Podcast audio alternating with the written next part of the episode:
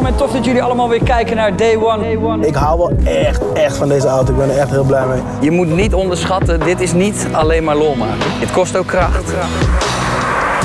Ik heb hem nog nooit zo hard op zijn staart getrapt, zo op mijn banden. Het was voor mij ook de eerste keer dat ik een- nou, zo'n persoonlijk liedje release. 28 kilo. Dat zijn we niet veel. Maar we zijn los hoor. Test. Test. Volgens mij zijn we begonnen, hè Jordi? Ja, volgens mij ook. Dus dat was niet een echte test. eigenlijk. Nee. Ah, We liepen gewoon al. Dit was hem. Oké, Ja. tof. Welkom bij de Day One podcast. Gezellig dat jullie allemaal weer luisteren. En mochten jullie nu denken, hey, er zijn meerdere leuke afleveringen. Gooi die dan gewoon even in je eh, Instagram story. Want dan kunnen mensen nog meer genieten van deze podcast. Oké, dat was de promo voor vandaag. Ik gooi, die, gooi die er meteen maar even doorheen. Ehm Jordi, de gast van vandaag, Ja. eh, ken ik ondertussen, hebben we net berekend, al eh, bijna zeven jaar. Ja. Ehm, hij is voor mij ehm, eh, onmisbaar in het trio Stuk TV. Ehm, ik denk dat het per ongeluk zo bij elkaar is gevallen dat deze drie mannen zo goed bij elkaar passen en elkaar ook over de jaren hebben geaccepteerd. Want ik denk dat dat een heel belangrijk gedeelte is van Stuk TV, dat je elkaar accepteert. Want je moet tot in den ziekens, tot in den gekte moet je met elkaar kunnen werken en gekke dingen kunnen doen. En ik denk dat hij ehm, het meest gemaakt is voor televisie, internet en entertainment van de drie. En nu mag jij Oh, vertellen wat. interessant. Ja, daar gaan we het zo nog even over hebben. Eh, maar nu mag jij vertellen, hoe zou jij deze man introduceren als jij bij Q Music zit en die mic gaat aan, die rode knop, je zit daar lekker op die grote stoel en jij moet wat over hem vertellen. Wat zeg je? Nou, ik zal als eerst beginnen met iets waar... Ik weet niet of hij daar genoeg credits voor krijgt. Dat mag hij zelf misschien zo meteen ook wel zeggen. Ik vind hem een van de beste MC's van, eh, van ons land. Shit, ja. Misschien wel de allerbeste MC van ons land.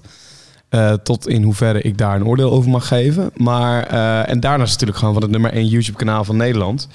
Eh, Oké, misschien staat Enzo daarboven. Maar dat is op een heel ander, ander vlak, vind ik. Eh, van Stuk TV, ja Stefan. Ja, ik kan er niet heel veel meer woorden vuil aan maken... dan dat jij hem net al hebt ingezogen. hij heeft meer tatoeages dan, eh, dan ik haar op mijn benen. Ja, Ja, Ja. bijvoorbeeld. Ik vond het ook wel genoeg woorden, jongens. toch? Het is anders wordt het ongemakkelijk. hè, als je er zo bij zit. Ja, wel heel lief. Ja. Eh, weet niet of alles waar is, maar, maar lief. Hey, dat het- sowieso. De eerste keer dat je in een podcast zit, hè? Volgens mij is dit de allereerste keer dat ik in een podcast zit, ja. Het zou zomaar kunnen zijn dat ik er ooit eentje heb gedaan, maar daar weet ik in ieder geval niks meer van. Dus bij deze denk ik dat dit de eerste is, ja. Hey, eh, Ja. ik, ik vind, ehm, dat, dat zei ik net al, ik, ik vind jou de meest... ehm, we, we hebben Giel ook in de podcast gehad. Mhm. Dat wordt altijd een hele andere podcast dan met jou. Terwijl je zou zeggen, jullie zijn met z'n drieën.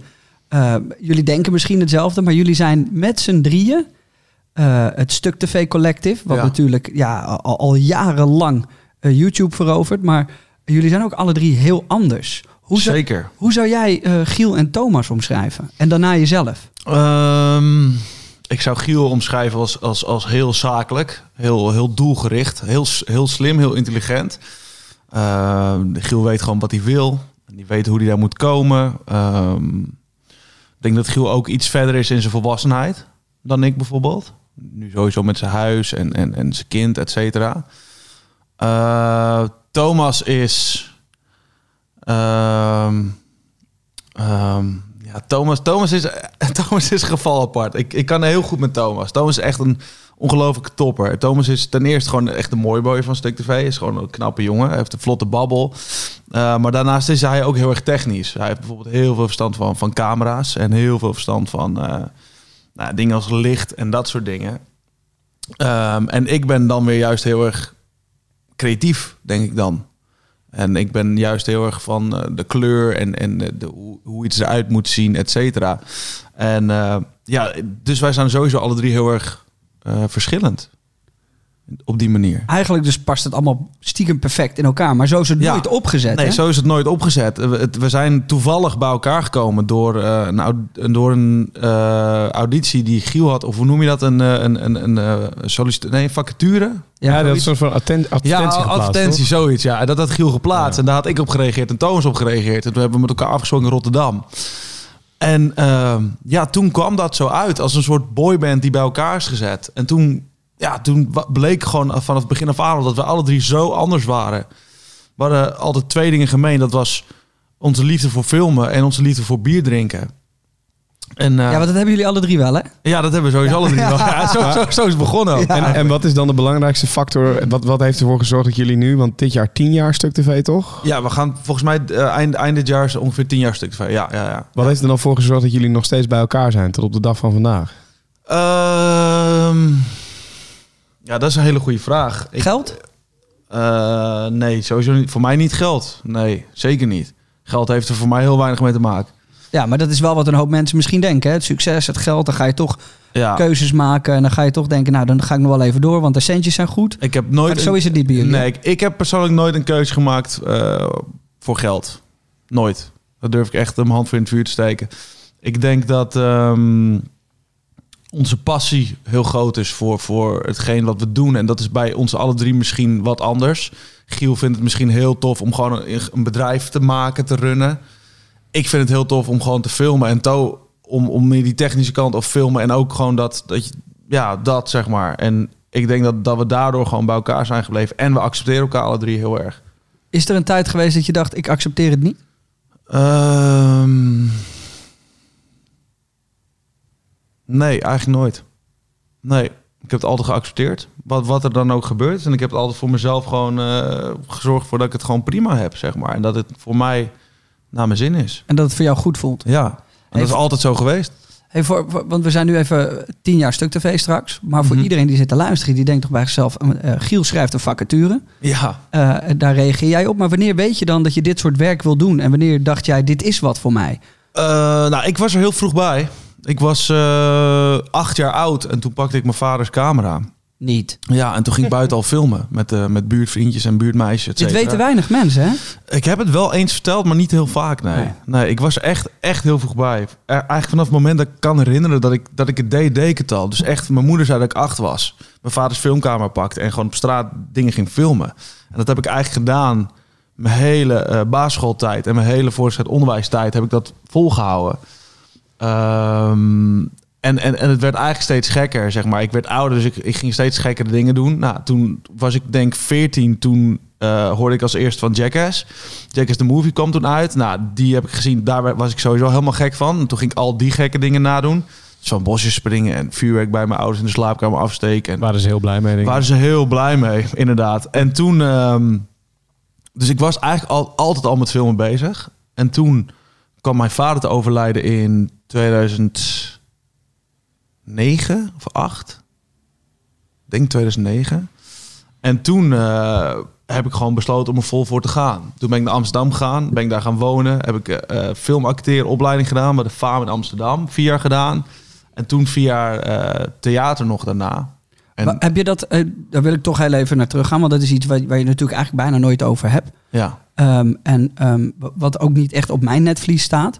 Heeft dat jou dan, de, de, het overlijden van jouw vader, heeft, dat heeft bij jou dus met alle respect een positieve werking gehad op dat je door moest pakken? zeker. Ja. Is dat iets dat, was dat moeilijk? Hoe, hoe, hoe, hoe ging dat? Eh, nou ja, eigenlijk, wat ik me kan herinneren is dat hij eh, een van zijn laatste dingen die hij heeft gezegd, misschien is dat niet zo, misschien heb ik mezelf dat verteld, maar goed, een van de laatste dingen die Ook hij mooi. tegen mij ja, he- heeft gezegd van doe wat je gelukkig maakt. En dat was voor mij was dat altijd al filmen.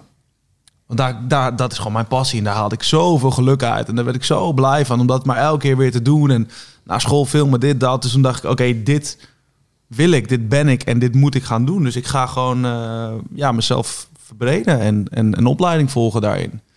En toen dacht ik, nou, ik kan twee dingen doen. Ik kan of cameraman worden, maar ja, ik ben totaal niet technisch, dus dat zit er niet in. Eh, en toen dacht ik, nou, dan ga ik maar film acteren. Dus echt voor de camera staan en daar allemaal eh, ja, dingen mee oefenen, zeg maar. En ging dat altijd goed? Ging dat altijd voor de wind? Eh, nou, dat bleek toch lastiger te zijn dan, dan, dan je denkt. Want eh, sowieso, ik was nooit echt goed in school, zeg maar. Ik was altijd meer bezig om dingen buitenschool om te doen dan op school. Dus als je dan weer een opleiding gaat volgen... Dan, het was zeg maar wel iets wat ik heel tof vond om te doen. Film acteren. Maar ja, het is toch school, dus je moet toch huiswerk maken en dat soort bullshit. En daar was ik niet goed in. Dus die eerste opleiding heb ik ook nooit afgemaakt. Ik ben volgens mij in mijn derde jaar ben ik eruit gegaan. Eh, terwijl het maar vier jaar was, dus dat was best wel jammer. En toen, dat was echt best wel jammer. Waarom ben je eruit gegaan? Gewoon omdat je er geen zin meer in Nee, had? toen kwam Stuk 2 op mijn pad. Ah, ja. Toen had ik die eh, advertentie van Giel gezien. Toen dacht ik, oké, fuck it, dit ga ik doen. Ja. Dit, dit is echt wat ik tof vind. En toen had ik ook inmiddels die, eh, die draaidag met hun gehad. En toen dacht ik, ah, dit voelt goed, dit ga ik doen. Ja. En toen heb ik volgens mij één of twee jaar gewoon stuk gedaan in het begin. En toen toch weer besloten om wel weer een opleiding te gaan doen. Toen ben ik gaan theater gaan studeren. En die heb ik gelukkig wel afgemaakt. Maar die, die eerste twee jaar stuk tv, Ja, dat is natuurlijk, daar verdien je geen cent mee. nee, helemaal niks. Dat kostte geld, letterlijk. En, Ja. en toch ben je dat gaan doen. En toch ben je dat twee jaar vol gaan houden. Wa- Waar, waar zat hem dat dan vooral in? Wa- Wanneer was het moment dat je dacht... oké, we zijn nu wel iets aan het doen... wat wel goed succesvol kan worden? Ja, ik denk dat dat pas veel later kwam. Het was meer gewoon dat ik het fucking leuk vond om te doen. Ik heb, ik heb eigenlijk vanaf moment één van Stuk TV niet echt gedacht van... ah, dit kan wel eens iets gaan worden hoor. Nee. Dit kan hem wel worden. Dat heb ik nooit echt gedacht. Ik vond het gewoon fucking leuk om te doen. We deden gewoon allemaal gekke dingen. En het was gewoon allemaal gefixt. Weet je. Giel had gewoon een busje en daar konden we allemaal shit in proppen. En dan gingen we lekker door Brabant rijden, leuke dingen doen. Eh, eigenlijk heb ik het altijd zo benaderd. En het werd pas eigenlijk groot toen wij... eh, toen Giel ons volgens mij inschreef bij een- zo'n zo'n YouTube-ding of zo. eh, Een gathering of zo. ja, zo'n gathering en eh, ook zo'n zo'n management van YouTube of zo. zo'n Oh, ja. hele oude. En die begon ineens gewoon een beetje gas erachter te zetten, weet je wel. En toen ging, het- toen ging alles stijgen. En toen hadden we een paar hitjes met, eh, met video's. En toen dacht ik ineens van, oké, maar dit zou zomaar iets kunnen worden. Heb je dan ook laat. nog steeds support van de mensen om je heen... op het moment dat je besluit om met een opleiding te stoppen... en eh, twee jaar eigenlijk voor hun gevoel misschien wel te gaan lanterfanten? Gewoon maar wat te doen? Ehm, nou, ik, mijn moeder heeft me wel altijd gesteund in alles. Zeg maar. Die had, ik had wel een soort vrije hand, eigenlijk vanaf mijn hele jeugd, dat ik wel kon doen wat ik wilde, zeg maar. Ik ben nooit echt eh, opgevoed met van, nou, je moet zus en zo, en 9 tot 5 en dit, en je moet dat, je moet werken. Nee, het was wel gewoon, eh, we, waren, we, waren gewoon met z'n drietjes, dus we waren allemaal heel gelukkig. En daardoor was een soort vrije hand, waardoor ik alles kon doen wat ik wel wilde doen, zeg maar. Dus dat is wel goed geweest. Heeft mijn moeder wel goed gedaan. Ja, nou ja, helemaal. Ik denk dat jouw moeder Ja. een hele sterke vrouw is. Ja, dat weet ik wel zeker. Ja, hè? Hoe, kijk, heeft- hoe kijk je nu naar haar? Want natuurlijk we hebben het net over je vader gehad. Die, Ja. die, heeft, eh, die is dan best wel vroeg overleden. ja. Hoe, hoe heeft zij dat opgepakt? En hoe kijk je naar haar? Eh, nou, sowieso ontzettend veel respect voor mijn moeder. Hoe zij dat eh, toen die tijd natuurlijk allemaal gedaan heeft. Kijk, voor mij is het mijn vader die ik kwijt ben geraakt. Die heb ik 17 jaar gekend of 16 jaar. Maar Hoe was je vader? Eh, nou, ik, zoals ik. Ja. Wel. Eh, ook gewoon grappig en weet ik wat allemaal. En, en, en heeft ook eh, theaterdingen gedaan en, en humor en weet ik wat allemaal. Dikker, dat, dikker dan ik. Ik zeg altijd over 20 jaar zie ik er zo uit, letterlijk. Ehm, maar mijn moeder, ja, dat is, dat is, dat is. ehm, eh, voor, ik denk dat het voor haar nog moeilijker is, omdat zij eh, volgens mij 33 jaar getrouwd was. En dan raak je ineens die persoon kwijt. Snap je? Ik heb 16 jaar mijn vader gekend en dat was echt top. En ik ben blij dat ik die tijd gehad heb. Maar mijn- voor mijn moeder was het denk ik nog zwaarder, omdat je gewoon je partner, je levenspartner kwijtraakt. En ik vind dat zij dat wel heel goed ehm, gedaan heeft om ons zo op te vangen op die manier. Ja. Dat is wel iets waar je, waar je dan, waar je- wat je altijd bij je draagt, toch? Is iets wat, Ja. Maar wat ik wel heel mooi vind, wat je zegt, is ik heb hem 16 jaar gekend en daar ben ik heel blij, blij om. Zeker. Heb je dat zo ook kunnen omzetten? Was dat vanaf het begin al? Is dat iets waar je echt voor hebt moeten vechten? Om Nou, dat is, dat is later gekomen. Kijk, ik, mijn vader is doodgaan terwijl ik in mijn puberteit zat. Dus dat is, dat is gewoon geen fijne tijd dat zoiets gebeurt. Want dan, Nee. A, ben je gewoon nog niet slim genoeg. Je denkt er nog niet over na. En je bent gewoon met andere dingen bezig. Ja. Maar pas later, in mijn, toen ik ja, twintiger werd... dan ga je ineens steeds meer over dat soort dingen nadenken. En dan denk je... Het eerste wat je denkt is... Fuck, had ik hem nog maar gekend. Want nu had ik zoveel vragen willen stellen, zeg maar. In je puberteit zet je heel erg af tegen je ouders. Maar als je twintiger wordt of dertiger wordt, dan wil je juist allemaal dingen weten. Weet je, hoe heb jij dit gedaan? En dat, dat vind ik heel erg jammer dat dat niet meer kan. Maar daarnaast ben ik wel ontzettend dankbaar dat ik hem 16 jaar heb gekend. Want ik heb een topjeugd gehad en een topvader gehad. Uh, dus dat zal ik niet zo snel vergeten. Dus ik denk ook echt voor, voor kinderen, zeg maar, die in hun puberteit of op jonge leeftijd hun ouders kwijtraken, dat dat ontzettend moeilijk is en kan zijn. Dus als ik een kleine tip zou mee kunnen geven, zorg dat je altijd zo'n goed mogelijk contact hebt met je ouders. Zorg dat je ze zo goed mogelijk begrijpt. En stel vragen aan ze. Want voor je het weet, Ja. Zijn ze gone. ja, maar dat merk ik. Ik ben 35 bijna. Ja. En ik merk het nu dat ik...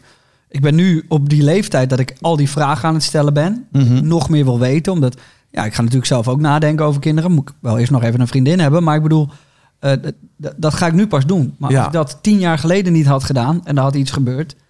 Je wil gewoon niet te laat zijn. Nee, klopt. En dat is iets wat je op die leeftijd natuurlijk helemaal nog niet in de gaten Nee, hebt. helemaal niet. Nee. Maar denk Nee. je dan, is dat... Want hij was dus ook eh, een soort van acteur en, en dingen. Is dat, Ja. is dat iets Ja. wat, wat, wat hij jou heeft meegegeven? Ehm, nee, niet, niet, niet per se of zo. Ik heb wel zeg maar, door, door hem leren drummen en muziek, Sick. goede muziek eh, leren kennen en een goede muzieksmaak ontwikkeld. Ehm, maar nogmaals, ja, ik, wa- ik was vrij in alles wat ik, wat ik Ja. wilde doen, zeg maar, of zo. Ja, dan, dan begin je met stuk tv en dan, dan Ja. gaat dat op een gegeven moment lekker. En dan duiken jullie met z'n allen de, de weilanden in met dat busje. En dan ga je en dan...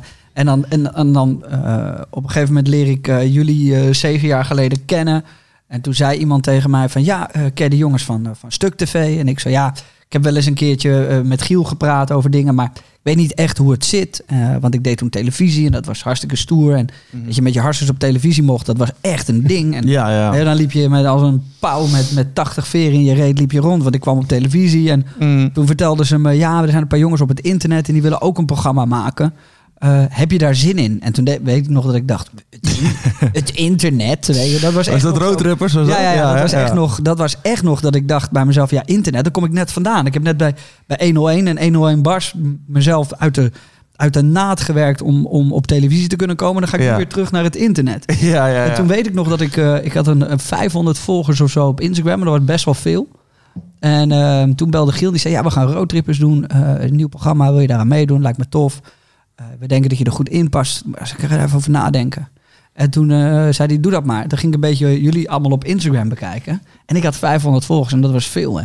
En toen keek ik en toen hadden zij al 30, 40, 50.000. En ik zo, wow, wat is dit hier? En toen Ja. zag ik, oké. Gelijk gebeld. Ik Nee, ja, nee, maar toen zag ik wel dat, Ja. dat je afscheid moest nemen van het feit dat je zo conservatief dacht en dat alles op tv gebeurde. En dat ik toen nam ik ook echt bewust de stap naar, terug naar het internet.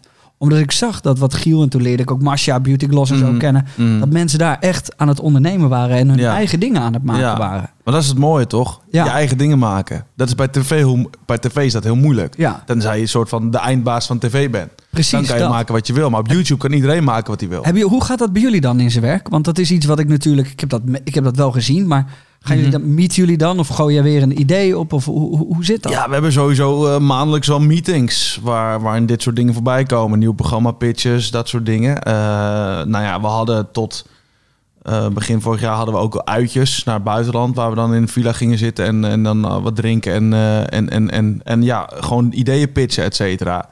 Eh, en alles gaat gewoon in overleg. Zeg maar, eh, sowieso Giel, Toon en ik moeten het, moeten het tof vinden om te maken. Want je gaat niet iets maken wat je niet tof vindt. Heb je wel eens wat gemaakt wat je niet tof vindt? Gewoon eerlijk? Eh, ja, vast wel. Ehm, moet ik even nadenken hoor. ja, we hebben volgens mij ooit een, ehm, een, een programma gedaan dat heette Zomernachten. Heette Ja. dat? dat wa- was volgens mij gesponsord door een of ander eh ijstheemerk of zo. En dat was best wel kut. Want da, da- daar gebeurde helemaal niks in. Dat was gewoon, eh, het draaide om een soort interview met een BN'er dan. Ja. Ehm, Goed format. ja, goed voorbeeld. De enige leuke aflevering, schiet me nu te binnen. Volgens mij was jij daarbij, want dat was met Rick Brandstreder Ja. in, in, in Lorette of zo. Ja, ja. Dat was wel een leuke aflevering trouwens. Maar dat, dat draaide gewoon om een interview met BN'ers. Ja, Ja. dat is niet een heel sterk eh, format. Maar hoe voorkom je dat dan? Dat je, dat je vaker zo'n compromis moet sluiten? Dat, dat, dat er wel wat binnen moet komen, zeg maar. Want dat is Mhm. natuurlijk uiteindelijk wel belangrijk. Bedoel, Ja. Je bent iets aan het doen, maar ja, het moet ook wel brood op plank komen. Er moeten mensen betaald worden. Ja, hoe, dat vaak, zeker. hoe vaak kun je dan nee zeggen en hoe vaak moet je, moet je wel?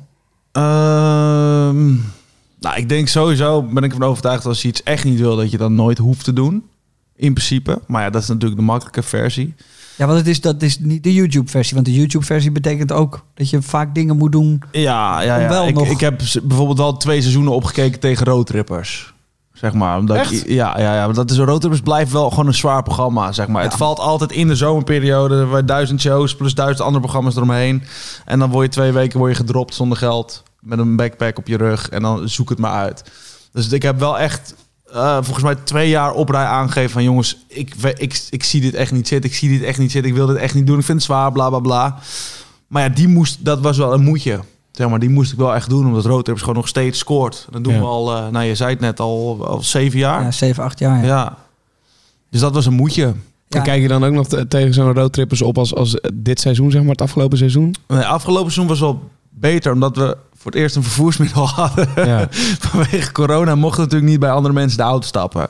Konden we niet liften. Eh, dus hadden we bedacht van nou, dan doen we, een, eh, dan doen we gewoon een, gek vervoer, een gek vervoersmiddel. Waar je in kan zitten dat je gewoon je eigen bubbel hebt, zeg maar. Nou, en, en dat was de tuk-tuk. En dat was wel fijn. Want we zijn nu gewoon lekker door Europa gaan, gaan rijden, zeg maar.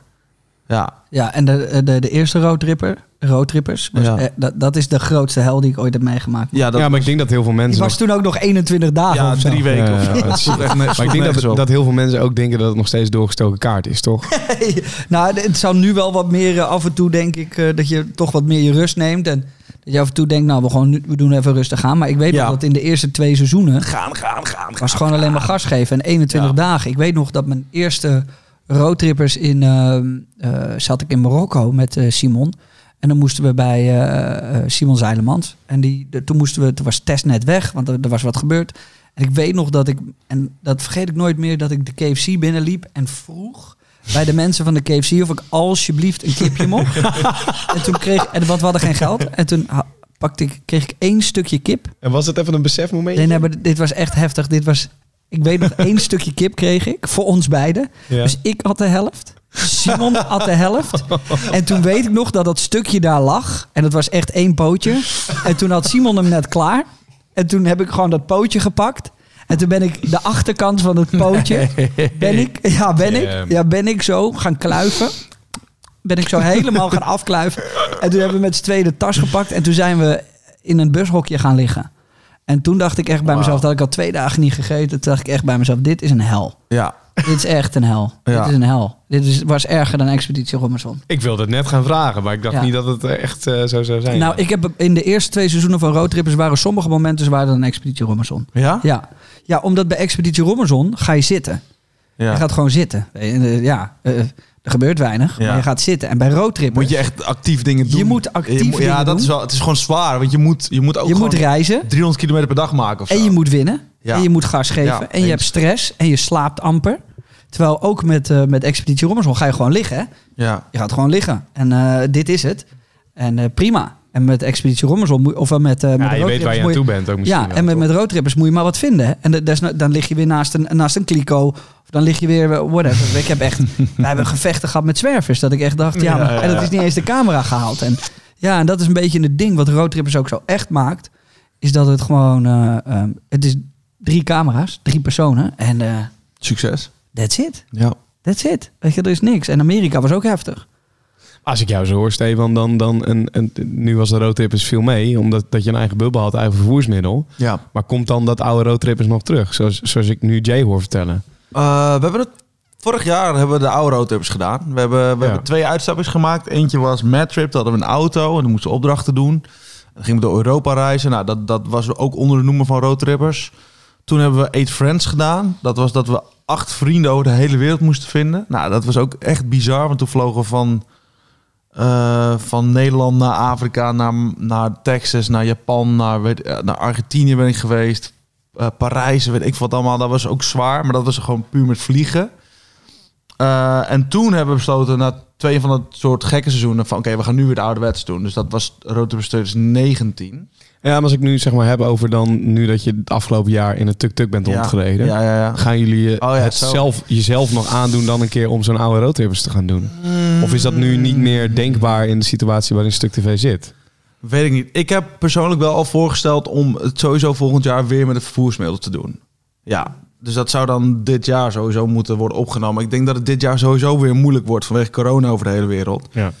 Uh, dus mijn voorstel was om met een eh, soort Amerikaanse jeep eh, door Amerika te gaan rijden. En op die manier kilometers maken. Heel vet. Ja. Maar ik weet überhaupt niet of dat allemaal kan. Ik denk dat als het ooit weer kan, dat ik wel nog één, nog één seizoen zou willen doen.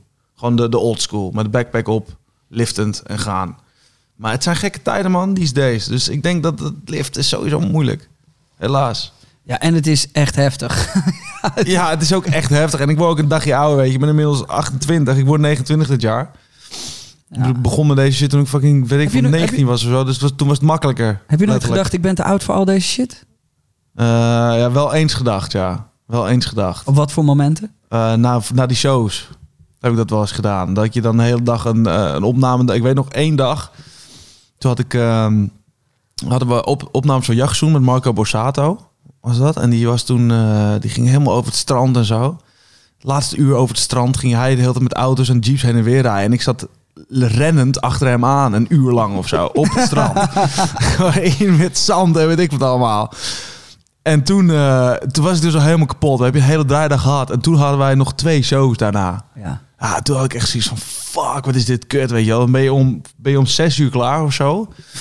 Ehm, En dan moet je s'nachts nog... ja, en, en dan moet je nog, en dan moet je dus nog, moesten we nog eten. Dan moesten we nog helemaal naar fucking, ja, want het is nooit, het is nooit dichtbij. Nooit. Het is nooit dichtbij. Het is altijd in, eh Schubberkutteveen. ja, Schubbekutteveen, Ja. in, eh, bij Eemhaven, in Groningen of in Zuid-Limburg of in Zeeland. en te bedenken dat zeg maar, nou hoeveel van de shows zijn leuk? Ik denk dat drie van de tien shows fantastisch zijn. En dat zeven van de tien meestal toch wel eh, een klein beetje teleurstellend zijn.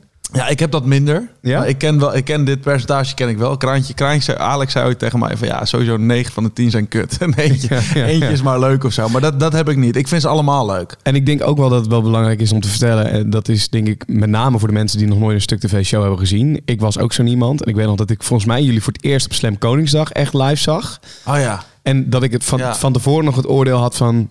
er wordt niks. Ja, YouTubers. Ja. Die gaan ook ineens shows doen, weet je wel. Die willen ook ineens denken, hey, poet pakken, klaar. Ja. En ik zie jou over dat podium heen rennen, een show maken. En dat hele Slam Koningsdag met 40.000 man wordt gewoon compleet afgebrand op de meest positieve manier. ja. Insane, want jij rent daar dan ook nog over dat podium heen met, met, met mag 60, weet ik veel. Dus voor hem is het topsport. het is gewoon topsport. Maar het is echt... weet- Wat, Het is niet gewoon even stil achter de boot staan en wat schreeuwen af en toe. Want weet je wat namelijk het leuke is aan Ja. het hele muziekgedeelte? Is dat wij dat met z'n allen hebben opgezet. Ja, jij was wij- daarbij in het begin, hè? Wij zijn, ik, heb, ik ben ooit een keer naar Giel. eh, we hadden net roadtrippers gedaan. Toen zei Giel, ja, we moeten met Stuk TV een nieuwe verdieping. We moeten wat gaan doen. Eh, en wat denk jij, Jay, dat we moeten gaan doen? En toen zei hij, eh, toen zei hij van, ja, eh, eh, er is van alles. Toen zei ik, ja, maar wat, vind je zelf echt leuk? Ik ja, ik draai wel eens als DJ. Toen zeg ik, hé, hey, hoe vet is dat? Ja. Jullie hoeven dan en niet meer die domme eh, meet and greets te doen. Waar je met mensen op de foto moet gaan staan. En waar je echt helemaal geen zin in hebt. Waar je naar drie mensen denkt bij jezelf. Wat de fuck ben ik hier aan het doen? Want je bent gewoon een pop. En toen eh, zei ik, misschien moeten jullie met z'n drieën zo'n DJ-collective gaan maken. En gewoon, zo zie je ook een hoop mensen. Geef je ook nog entertainment. Zei Giel, dat is een goed idee. Nou, en ik weet nog dat, eh dat, dat ben ik toen gaan opzetten. Dan ben ik naar Kraantje gereden. Want die was er Mhm. vroeg bij eh, betrokken. Mhm. En zei ik, ja, ik weet niks. Eh, hoe, hoe ga je dit doen? En zei hij, ah, ik, ik denk dat ik wel een idee heb. En toen zijn we met Giel met die jongens gaan zitten. En toen is dat een beetje gestart, die muziek. Toen ben ik een stuk management gaan doen voor hun in de muziek. En Kraan is de boekingen gaan doen. Die heeft toen ook hun eerste track met hun samen gedaan. En eh, vanaf daar, jongen, vanaf het moment dat het bekend werd dat zij konden gaan draaien, Ging het keihard. ging het keihard. Maar ik weet ook nog, gewoon, de ja. eerste show weet ik ook nog dat, was dan naar twijfel, want wie moest er gaan MC'en, weet je wel, wie doet wat. To- Thomas ging toen MC. ging Thomas MC, nou die heeft nog minder ritme dan ik. Dat was, dat was wel echt mooi. En, en Ja. eh, we deden gewoon een preset erin, hè? Want ja, we wisten helemaal niet wat we gingen doen. Ja, Dus we klopt, deden een preset erin. En, en toen eh, weet ik nog dat ik ook die Slam Koningsdag aan het kijken was. En toen dacht ik bij mezelf, holy fuck. Ze zijn gewoon van daar Ja. naar een credible DJ collective. Ja, waarin ja. je in ieder geval eh, fantastisch kan optreden en echt een show neerzet. En het heeft mij ook nog geïnspireerd als MC. Want dan zag ik Stefan over Oh ja? het podium meegaan. Ja, want ik ben daarna ook gaan MC'en met, met een Chris Deluxe. En dan stond Ja. ik ook op de Keiweek voor Groningen met 30.000 studenten voor me. Ja. En toen dacht ik, die jongen die heeft zoveel scheid. Het boeit hem geen ene motherfucker wat die mensen voor op dat podium eigenlijk van hem denken. Die rent er als een meloot over het podium heen. Dat heeft mij ook nog vaak genoeg geïnspireerd. Ik dacht van ja, fuck it. Nou, leuk. Mooi, mooi compliment. Nee, weet, je wat, weet je wat ik echt, echt bijzonder vind? En dat is dat, dat denk ik dan nu aan. Want ik, ik dacht altijd, nou, Stefan die doet nooit waar die, eh, wa- wa- wat hij echt, echt altijd eh eh, ambieert. Daar gaat hij nooit vol voor. Maar vanaf het moment dat hij op dat podium heeft gestaan, daar zit wat speciaals bij hem. Dat is zijn topsport. Dat is zijn. Hij, hij niet fit, hij traint niet, heeft hij zelfs een fucking hekel aan. Ja, Ehm, ja, ja. Maar als hij dan dat podium opgaat, dan gaat hij door een barrière heen, want het is echt zwaar. En dan deed hij gewoon drie shows, soms vier op een avond. En allemaal met dezelfde energie van minuut 1 tot aan het einde. En dan kroopt hij bij de eerste show kroopt hij gewoon van het podium af, omdat hij zoveel had gegeven. Toen rookte hij en drinkte hij nog veel, dus dan was het echt, echt aanpoten.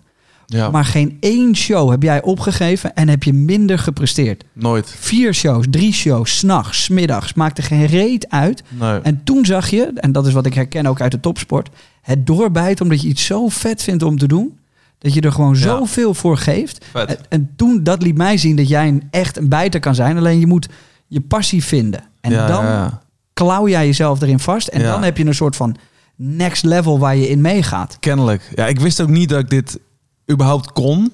En ik wist ook niet dat ik het tof zou vinden. Nee? Nee. Ik had, wel, ik had het op zich wel kunnen verwachten. Want ik kom natuurlijk uit, ook de, uit de theaterwereld. En daar sta je ook live voor mensen iets te doen. En kennelijk vind ik dat gewoon heel vet. Dat je live voor iemand iets staat te doen. En je hebt daar meteen een respons op. Dat vond ik heel vet. Ja. En dat vind ik heel vet van die, van die shows. Je hebt meteen... eh, je hebt meteen een reactie vanuit het publiek. Maar jouw mindset was ook goed, want als het Ja. publiek saai was, dan zei je, fuck it, ik zorg dat ze uit de stoelen komen. Ik Ja, zorg ja, dat ze... En Ja. Dat, was, dat klinkt natuurlijk, dat is die topsport mindset. Van het maakt niet uit tegen wie of voor wie.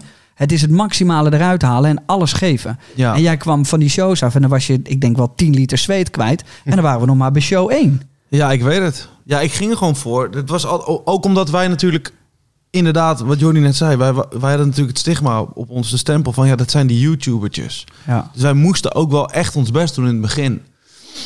En ik denk als je gewoon echt een artiest bent, dat mensen al sneller losgaan. En bij ons was dat niet zo. Dus moest ik echt alles ballen zetten om die mensen los te maken. En dan had ik gewoon, op een gegeven moment had ik daar gewoon manieren voor bedacht. Dat was gewoon na 10 minuten show was het gewoon, Steven gaat het podium af, door het publiek heen, om iedereen los te krijgen. En dan was het letterlijk gewoon vanaf de 15e tot de 20e minuut, en soms langer als het gezellig was, ging ik gewoon door, het hele, door de hele zaal rondlopen. En dan ging gewoon springen met mensen en, en, en met die mic gewoon mensen mee laten zingen. En, en dat werkt gewoon fucking goed. En gewoon soms zelf een moshpit gewoon open douwen, weet je wel. Dat je daar als MC bij staat. Ja, mensen denken dan, oké, fuck it, het maakt niet uit. Je kan gewoon jezelf zijn. Je kan losgaan. Het, het, het maakt hier niet uit. Maar maakt het jou dan ook niet uit of dat voor 30 man in een... Nee, dat maakt geen reet uit. Of voor 40.000 man, want dat deed precies hetzelfde. Ja, ja, ik deed gewoon altijd precies hetzelfde. Er is, er is voor mij geen, geen verschil daarin. Ik wil dat iedereen die er is gewoon een, een leuke avond heeft. En gewoon zichzelf kan zijn en lekker los kan gaan. Want dat is belangrijk. En dat is wat ik ook nu zo mis. Dat mensen gewoon lekker los kunnen gaan. En lekker zichzelf kunnen zijn. Alles even los kunnen laten. Ja, wat mis je, mis je de shows nu? erg. Want het is wel echt heftig ik mis in jullie het, schema. Ik, ik, ik mis het wel. Wat ik heel erg mis is dat ik mijn passie kan doen.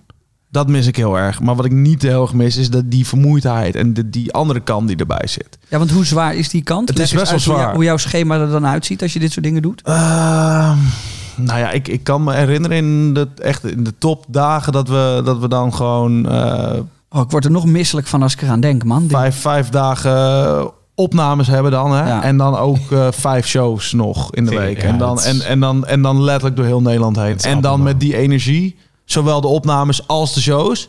Ja, dat was wel zwaar. Dan had ik soms wel dat ik twee dagen echt moest bijkomen. Ja. Zeg maar. Nou, en dan is twee dagen is nog fucking weinig om bij te komen. Ja, dat maar kun je toen- niet in twee dagen Toen moest ik alweer door. En dan moest je helemaal weer werken. Ja. Ja, dan moest ik gewoon weer werken. Ja. Ik, we- ik weet nog dat ik dan, had ik net een tv-programma gedaan of had ik net wat gemaakt. En dan ging ik met de jongens mee op tour, de zomertour. Ja. Nou, dan gingen we helemaal gewoon... ja, dat eh, ging ook nergens over. en ik heb nog één of twee keer hem als MC moeten, moeten vervangen. Dat was ook een drama. En dat was, ze hebben zo fucking veel meegemaakt in Ja, die tijd. zeker. En het was ook allemaal gewoon eh, met veel, veel gezelligheid en veel drinken erbij. Dat maakt het ook zwaar, weet je wel. Maar, maar wat ik dan... Dat, kijk, nu hoor je dat allemaal aan. En dan, Ja. dan is het 100% logisch wat er dan vorig jaar gebeurt met jou. Ja, ja, ja. ja Ehm, eigenlijk, eigenlijk wel, ja. ja. Is er dan nooit iemand die tegen jou zegt... of tegen jullie drieën zegt met... jongens, kom op. Dit, dit, dit gaat niet goed. Of dit, dit kan zo niet doorgaan. Ehm, Want wat even voor Of de mensen die niet, die het niet weten. eh, wat is nou, volgens mij vorig jaar november... of nee, ja, ja oké. eh, Ja. 2019 november. ja, ja, Dus 2019. Even schakelen. Ja, ja, klopt. Zat je er doorheen? Ja, toen had ik een eh, burn-out opgebrand. Klaar gewoon. Ja. Finito. Toen moest ik echt stoppen. Ja. Nou ja, ik, de- ik, de- er zijn wel mensen die dat zeggen of gezegd hebben. op Sowieso tegen mij. Alleen, ik denk dat er twee dingen zijn. A, je wil dat zelf niet geloven. En B, denk ik dat jij zelf altijd ook degene bent die dat als laatste doorheeft. Echt. Mhm. Ik denk dat mensen om je heen die je goed kennen dat echt eerder zien dan jijzelf. Had je, had je gestopt kunnen worden op een, op een goed moment? Ehm, nee. Nee, dat denk ik niet. Nee, want weet je, ik haal er ook gewoon ontzettend veel plezier uit. En als je dat hebt en je mag je passie uitvoeren en je wordt er gelukkig van, dan is er ook niet echt een grens, toch? Dan wil je het gewoon elke dag doen. En dan Eh. denk ik ook niet dat je het daar met z'n drieën over hebt. Dat die Nee, is. nee, want dan ga je gewoon lekker door. En ja, dan ben je, dan ben je moe en dan ben je, dan ben je een keer twee dagen moe. En dan ben je een keer drie dagen moe. Maar ja, op een gegeven moment was ik zeven dagen moe. En toen dacht ik wel van fuck, dit, dit is wel veel, zeg maar. Nou, en toen gewoon eh, gestopt. En wat was dan de switch? Want ik ben hier natuurlijk super. Ik, ik herken dit allemaal, want ik heb het één vanaf dichtbij gezien. Eh, twee, er is eigenlijk zijn er altijd mensen, ook in mijn wereld, die zeggen dan: ja, misschien doe je te veel, maar daar Ja. luister je echt nooit nee, nee, naar. niet, dat wimpel je af. Totdat iemand je een keer. Ik denk dat iemand je echt op je bek moet slaan. En, en, Ja. en tegen je moet zeggen: je moet nu God verluisteren, want eh, je gaat te ver. Anders stop je niet. Dus dat is ook heel moeilijk. Een management heb je natuurlijk. Maar die zien het ook niet, want die zijn er niet elke dag. En die, die moeten- willen geld En die gewoon, willen centjes toch? verdienen. Simpel. Jou, want, dat is ook Maar ik ben ook gebeurt. vooral benieuwd wanneer die switch dan bij Steven kwam. Want Precies. wat was het moment dat je echt eh, de man met de hamer kwam? Mm. Ja, ik kan me één moment in de auto herinneren. Volgens mij, ik denk dat het na een show was. Toen was ik met Giel en ons tourmanager in de auto. En toen, toen brak ik gewoon echt. Zeg maar. Toen was ik echt klaar. Weet je, ik was wel moe na shows vaak. Maar nu was ik echt klaar. Gewoon maar emotioneel, zeg maar. Ja. Dus niet, niet zweet wat eruit kwam, maar echt tranen die eruit kwamen. Toen dacht ik, oké, dit is wel echt fout. En toen heb ik gewoon in alle eerlijkheid gewoon meteen met Giel en uh, mijn toenmanager een gesprek gehad van... eh, jongens, dit, dit, dit, dit kan niet. En toen was het, hun reactie ook echt zo van, hé, hé, eindelijk. Giel was echt eindelijk, weet je wel. Ja, gast, ik heb, dit, ik heb dit al vaker tegen je gezegd. Maar je luistert niet. Ik zeg, ja, oké, nou, nu is het dan het moment. En eh, ja, toen ben ik gestopt. En dat heeft, die, dat heeft me sowieso veel geleerd, die tijd. Zeg maar dat ik echt gewoon weer tijd had voor dingen en, en, en op mijn voeding kon gaan letten. En dat soort dingen allemaal. Want ik ben daar gewoon niet goed in. Ik, ben, ik hou niet van sporten. Ik hou niet van gezond eten. Ik hou gewoon van de slechte dingen in het leven. Hoe kut het Ja. ook is. Roken, drinken. eh, gewoon lekker eten, lekker uit eten gaan. En, en, en sporten, ja, dat, dat zit er voor mij gewoon niet echt in. En ik heb door die burn-out wel geleerd dat, dat als je topsport wil uitvoeren of eh, ja, gewoon hard wil werken, dan is dat wel belangrijk om dat wel te doen. Gewoon structuur, eten, eh, sporten en, en gewoon voor jezelf zorgen en af en toe een stapje terug. En dat is wel iets wat ik nu geleerd heb, wat ik een beetje afgelopen jaar weer een beetje ben vergeten, waar ik nu wel weer mee bezig ben, zeg maar. En hoe is zo'n eerste week dan? Van 100 naar 0? Je bedoelt nu deze week bedoel je? Nee, gewoon de, de week zeg maar dat jij besloot van jongens, Ah, het ja. kan nu niet doorgaan. Die kan nu niet langer doorgaan. Ja, zo. dat was heel raar. Volgens mij heb ik eerst drie dagen in mijn bed gelegen. Ik kwam ook mijn bed niet uit. Gewoon een donkere kamer. Volgens mij heeft dat, dat heeft volgens mij echt drie dagen geduurd. Kwam ik alleen uit om, om even te eten en als ik naar de wc moest. Dat waren de eerste drie dagen. Dat was best wel, dat was best wel na de tijd, zeg maar. En toen ehm, heb ik van Giel heb ik een, eh, een soort coach gekregen. Eh, en daar ben ik hem nog steeds dankbaar voor. En met die coach ben ik gewoon in gesprek gegaan.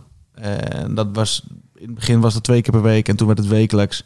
Ja, en die, gaat mij, die heeft mij er toch ook doorheen geholpen. Want die heeft gewoon echt ervaring daarmee al, weet ik wel, 40 jaar. En die kan jou Ja. toch vanaf een soort helikoptervisie toch meer vertellen wat er nou precies aan de hand is. Eh, ja, dus dat was, dat was inderdaad wel een heel groot verschil van, van eh 24-7 bezig naar niks. Gewoon vrij. Wat ook wel weer heel erg lekker was op een gegeven En- moment. Maakt dat je ook onrustig? Nee, het maakte mij rustig. Het maakte mij misschien in het begin onrustig, omdat ik dacht van tering, ik ga nu echt veel missen. Ja. En is straks, dat klinkt heel kut om te zeggen hoor, en dat, maar dat dacht ik toen, dat denk ik nu absoluut niet meer. Want ik had toen ook mijn Instagram verwijderd en mijn socials en zo. Toen dacht ik van fuck, straks, tel- straks tel ik niet meer mee. ja. Ik ga nu vier maanden niks posten, straks, straks zijn mensen me vergeten of whatever. En eh, nou, nu ben ik daar gelukkig helemaal eh, vanaf van die gedachte. Maar dat, ik kan me herinneren dat ik dat toen dacht, wat natuurlijk echt fucking bizar is. Als je vier maanden geen social doet, dat mensen je dan vergeten zijn of whatever. En dat zou er ook niet eens uit moeten maken. Want ik denk, als je mooie dingen maakt, dan blijven mensen altijd wel kijken. En heb je, ook, heb je ook wel eens gedacht van... eh, dit, dit is definitief het einde van wat ik doe nu, zeg maar. Als in, ik, ik weet niet of ik dit überhaupt ooit nog weer wil doen. Eh, nee, dat heb ik nooit gedacht. Dus je wist altijd vanaf dag één, ik kom weer terug. Ja, want ik miste het wel. Ik begon het na een week eigenlijk al te missen. En ik weet ook dat ik na een week was ik alweer naar eh microfoonstandaards aan het kijken. Eh, in, in verschillende kleuren. Dus ik heb er toen, ik heb nu een rode heb ik thuis staan en een blauwe. Echt super vet. Nooit gebruikt, Nee. helaas. Ehm, maar die staan allemaal klaar. Ja, dat, dat kwam eigenlijk al best wel weer snel. Het was gewoon belangrijk dat ik echt even rust had. Echt even na kon denken. Even stil kon staan bij de dingen waar ik normaal gesproken geen tijd voor had. Even opnieuw gewoon resetten. Dus even voeding, eten, structuur, bla bla bla. Al, al die zooi. Dat was voor mij gewoon belangrijk. Want bij mij is het of alles of niets. En wanneer bepaalt dan een coach misschien, of misschien Giel of, of Thomas, of Mhm. een andere naast in je, in je omgeving, wanneer weer het moment is om te gaan beginnen? Mm, Dat, dat mocht ik zelf bepalen. Dat heb ik, heb ik zelf bepaald. Ja. Is er dan nog een gevaar dat je dat te snel wil misschien? Ja. Ehm, Hoe weet je wanneer dat moment is? Ja. Hoe voel je je dan? ja, dat is wel moeilijk inderdaad om te zeggen. Ja, toch? Ehm, maar dat moment, ja, dat, dat, dat heeft ongeveer vier maanden geduurd. En ik weet wel dat ik nog één keer met het hele team mee ben gegaan op vakantie naar Curaçao. Daar zat ik heel lang over te. Ik denk van ja, dat, zij gaat sowieso allemaal helemaal los en weet ik wat allemaal. Ja, toen heb ik wel opdrachten meegekregen tijdens die vakantie die ik moest doen. En ik mocht eh, nou ja, geen gekke dingen doen, laat ik maar even zo zeggen. Uh, dus dat was sowieso de eerste keer dat ik weer met het hele team was. Want daar hadden we toch een heel jaar voor gewerkt, voor zo'n uitje. Dus ik dacht, ja, daar wil ik wel gewoon bij zijn. En toen, eh 2,5 maand later, eh, ben ik weer mee gaan doen met een, met een serie. Waar ik toen ook een maand zelf voorbereiding voor heb gedaan. Rustig inkomen. En toen ben ik eerst ben ik één dagje naar kantoor geweest. En toen die week erop twee. Dus ik heb het wel echt rustig opgebouwd. Maar ik mocht in principe gewoon zelf kijken van... Nou ja, wanneer wil je weer beginnen? En ik dacht dat het moment in... eh dat was ongeveer in februari 2020. Ja? Ja. Toen dacht ik, ja, nu komt er een nieuwe serie. Waar ik heel veel mee heb. En wat ik heel tof vind om te doen, dat was toen de prankoorlog. En toen ben ik er weer ingestapt. En dat was meteen weer, meteen weer bam. Van 0 naar 100. meteen weer van 0 naar 100, ja. Ik, ik hoor je veel Ja. Giel ook voorbij komen. Ja, ja. Een soort van... ehm, ehm, hij zei, dat, dat- dat, in de auto zegt hij dan... Oh, eindelijk, nu. Weet je Mhm. wel? En hij helpt je met die coach. Hoe belangrijk is Giel geweest in deze... Want mensen zien Giel wel eens als... eh, die, die kan een best wel eh, zakelijke, koude guy zijn. Dat, ik ken hem ook anders, gelukkig. Ik hij ook heeft het, zeker, Hij ja. heeft het beide, Ja, hij heeft het beide, ja. denk ik. Het gaat Eh, gewoon, ja, hoe gaat belangrijk samen. is hij hierin geweest? Eh, nou ja, en, ja, belangrijk. Want hij heeft, dat wel, hij heeft het wel aangevoeld. Hij zag het wel bij mij aankomen. Meerdere mensen zagen het aankomen. Maar ja, Giel is toch een soort van... ja, de leider van ons. En heeft het zelf ook voor een groot deel Ja, ja, ja, precies. Hij was er ook wel op tijd bij. Eh, maar hij heeft, ja, hij heeft het wel eh, gezegd toen van... oké, we gaan dit, we gaan dit gewoon goed aan, we gaan dit goed aanpakken. En ik ga gewoon eh, zorgen dat de mensen voor je zijn. Wat is dit? Ja, dit is de eerste maanden van de maand, jongens. Ik schrik me helemaal.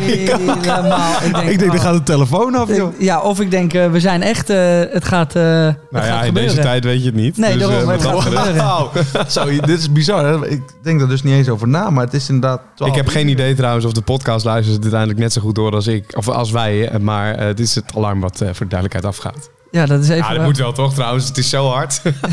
gehoord. Het lijkt wel alsof ik ernaast woon. ik denk serieus dat hij hier ergens naast staat. Ja, ja, ja. Hoe lang duurt dit, denk je, hoor? Dit is best wel lang. Ik, ik heb geen idee. Ik denk Even een eh, slokkie, even een slokkie. Een minuutje of zo. Oh, hij is alweer... Nou ja, hij gaat nu nog een keer waarschijnlijk. Ja, Ja, nog één keertje. Jeetje, wat een eh, Ja, we zijn interessant gesprek eh, zometeen, hè? Ja. Ja, we gaan. We zijn de afgelopen weken zijn we wel lekker diep aan het gaan. Ja, de- sowieso, zeggen. we gingen meteen heel diep. Ja, Ja, gingen we meteen Ja, al we diep? gingen meteen Ah, diep. Het ging wel gelijk bam in. Het was niet zozeer mijn, eh, mijn, eh, mijn idee om gelijk zo diep te gaan, maar het gebeurt gewoon. Dat had ik helemaal niet in de gaten. Nee? Oh, we zaten diep hoor. Ja? Maar ja, wel mooi. Nee, ja, ik, heb, de- ik leer er alleen maar van. Omdat ik het natuurlijk zelf ook... eh, ja, ik ben altijd genoeg in die podcast. Ik, dit, dit is de- trouwens de enige plek waar ik toegeef dat ik eh, dit soort dingen heb.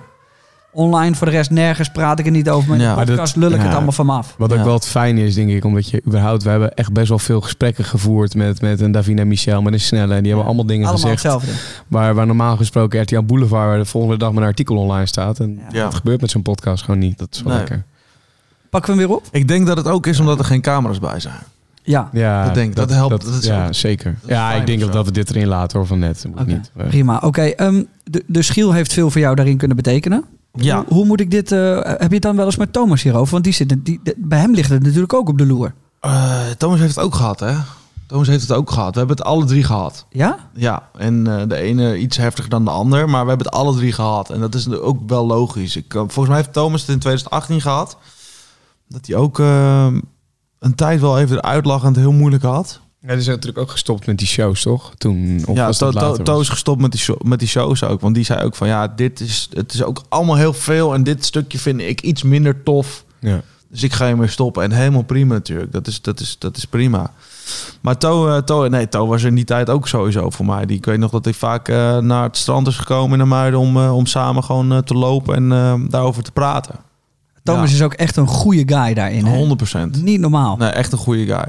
Ja. Zit, daar zit geen slecht in. Nee, helemaal niet. Nee. Ik Dat is denk, ook wat hem af en toe wel eens eh, eh, ehm, de das om doet, denk ik. ja, Omdat hij zo lief is en zo goed. ja, zeker. Ik denk dat je bij... Dat, ik denk dat bij To denken mensen dat het echt helemaal niet zo is. Misschien moet je er bij hem even doorheen prikken of zo. Hij heeft natuurlijk wel een beetje een, een macho-achtige mans imago of Ja. zo.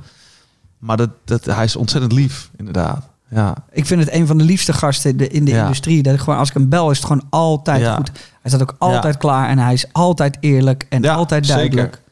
Hey, we hebben het even Zeker. over, over de, de, de, de wat donkere kant gehad. Weet je wel? Die hebben, we- eh, ja, dat is mooi ook. Want ik denk ook dat een hoop mensen hier eh, inspiratie uithalen. Ik zelf ook. Ehm, dus dat is, dat is alleen maar mooi. Maar ik wil ook even naar ehm, de, de- het gouden randje. Het succes. Het, Mhm. het, het, hoe ga je daarmee om? Hoe is dat, eh, is, dat, is dat iets wat je bewust meemaakt, succes? Of hoe, hoe moet ik het zien?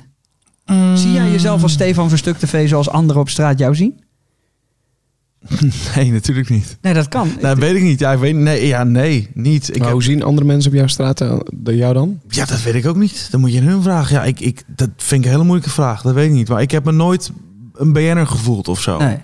En nog er steeds zijn, niet op Er zijn mensen die, zich- die, daar heel bewust mee bezig zijn. Hè? Van kijk mij, ja, dat, ik kan, ben dit dat vind ik dus echt imago. verschrikkelijk. Dat vind Ja. ik dus echt verschrikkelijk. Daar kan, daar kan ik niks bij. Nee. Nee, ja, de enige de, de reden dat ik voel dat ik succes heb, is, is dat ik een huis heb kunnen kopen, bijvoorbeeld. Ja. Met dit wat ik doe op, op 27-jarige leeftijd. Dat vond ik wel heel vet, zeg Ja. maar, of zo. Ja.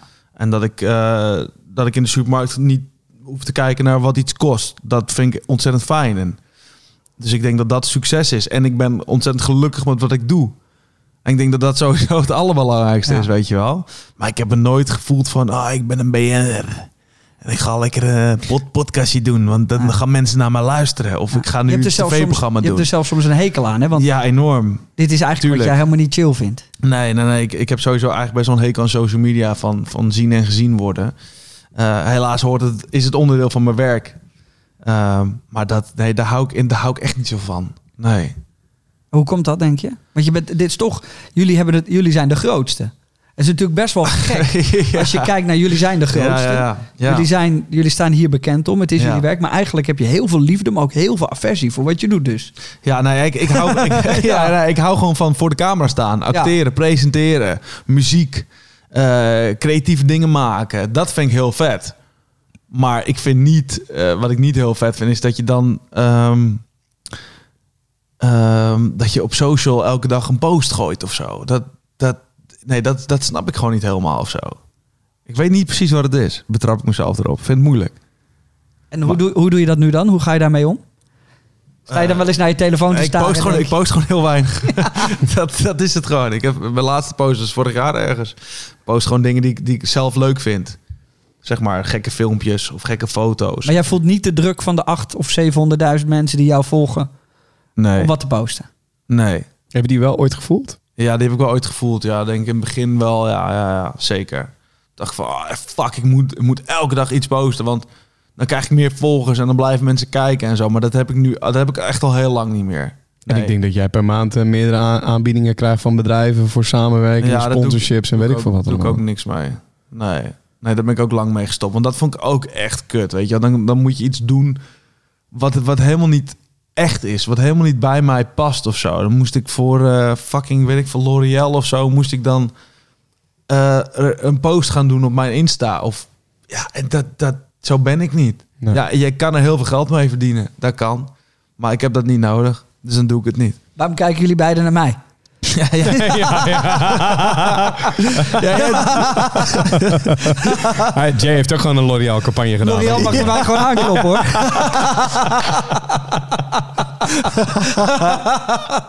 Mag gewoon hoor, geen enkel Ja, probleem. ja, dat zou top zijn. Ik verkoop het ongegeneerd hard. ja, het is zo, zo treurig dit hè. Ja, ja, ik snap het al. Als L'Oreal luistert, jongens, benader Jay even. Stuur, stuur hem een DM'tje. Ik zie, ik zie een hele goede samenwerking voor me. Oh, wat heftig dit. Maar het is, het is natuurlijk best wel... eh, um, eh, Instagram is heftig hè. Ik, ik, Ja, het is fucking heftig, man.